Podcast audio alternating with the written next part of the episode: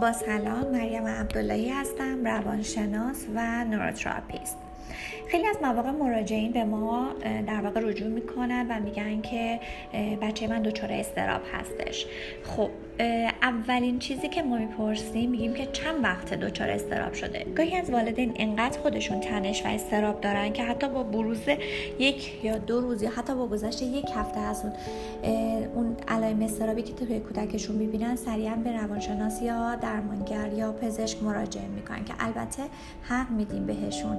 اما این رو برای این در واقع باید بگم خدمتتون که یه سری از ترس ها طبیعی هستش توی کودکان و چه زمانی ترس ها تبدیل به ترس های بیمارگونه میشه و اون وقته که ما باید به درمانگر مراجعه کنیم ترس هایی که فرزن طبیعی هستش مثل مثلا سن دو تا سه سال کودکانی هستن که از تنها بودن میترسن. این طبیعیه جای نگرانی نیستش. میان میگن که خب خیلی وابسته است ما. خب عزیزای من این اصلا غیر طبیعی نیستش.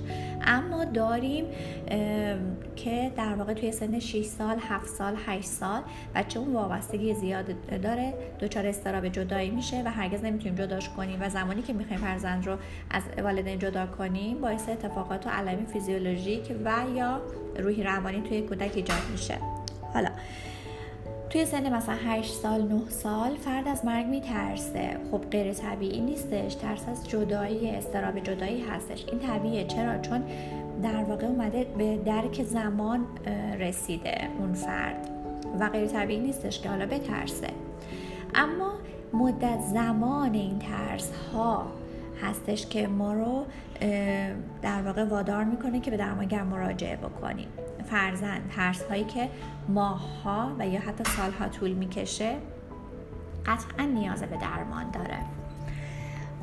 حالا یکی از راهکارهایی که در واقع ما میتونیم به فرزندمون کمک کنیم که بتونه به اون موقعیت استرابزا سازگار بشه تقویت اعتماد به نفسش هستش.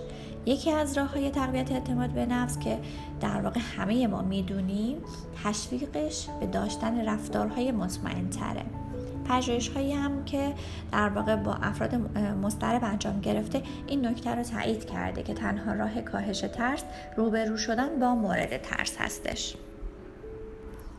اما والدین عزیز باید دقت کنند که این روبرو شدن با مورد ترس باید به صورت پلکانی با گذشت زمان و زنجیره وار باشه. مرسی از همراهی شما دوستان و والدین عزیز.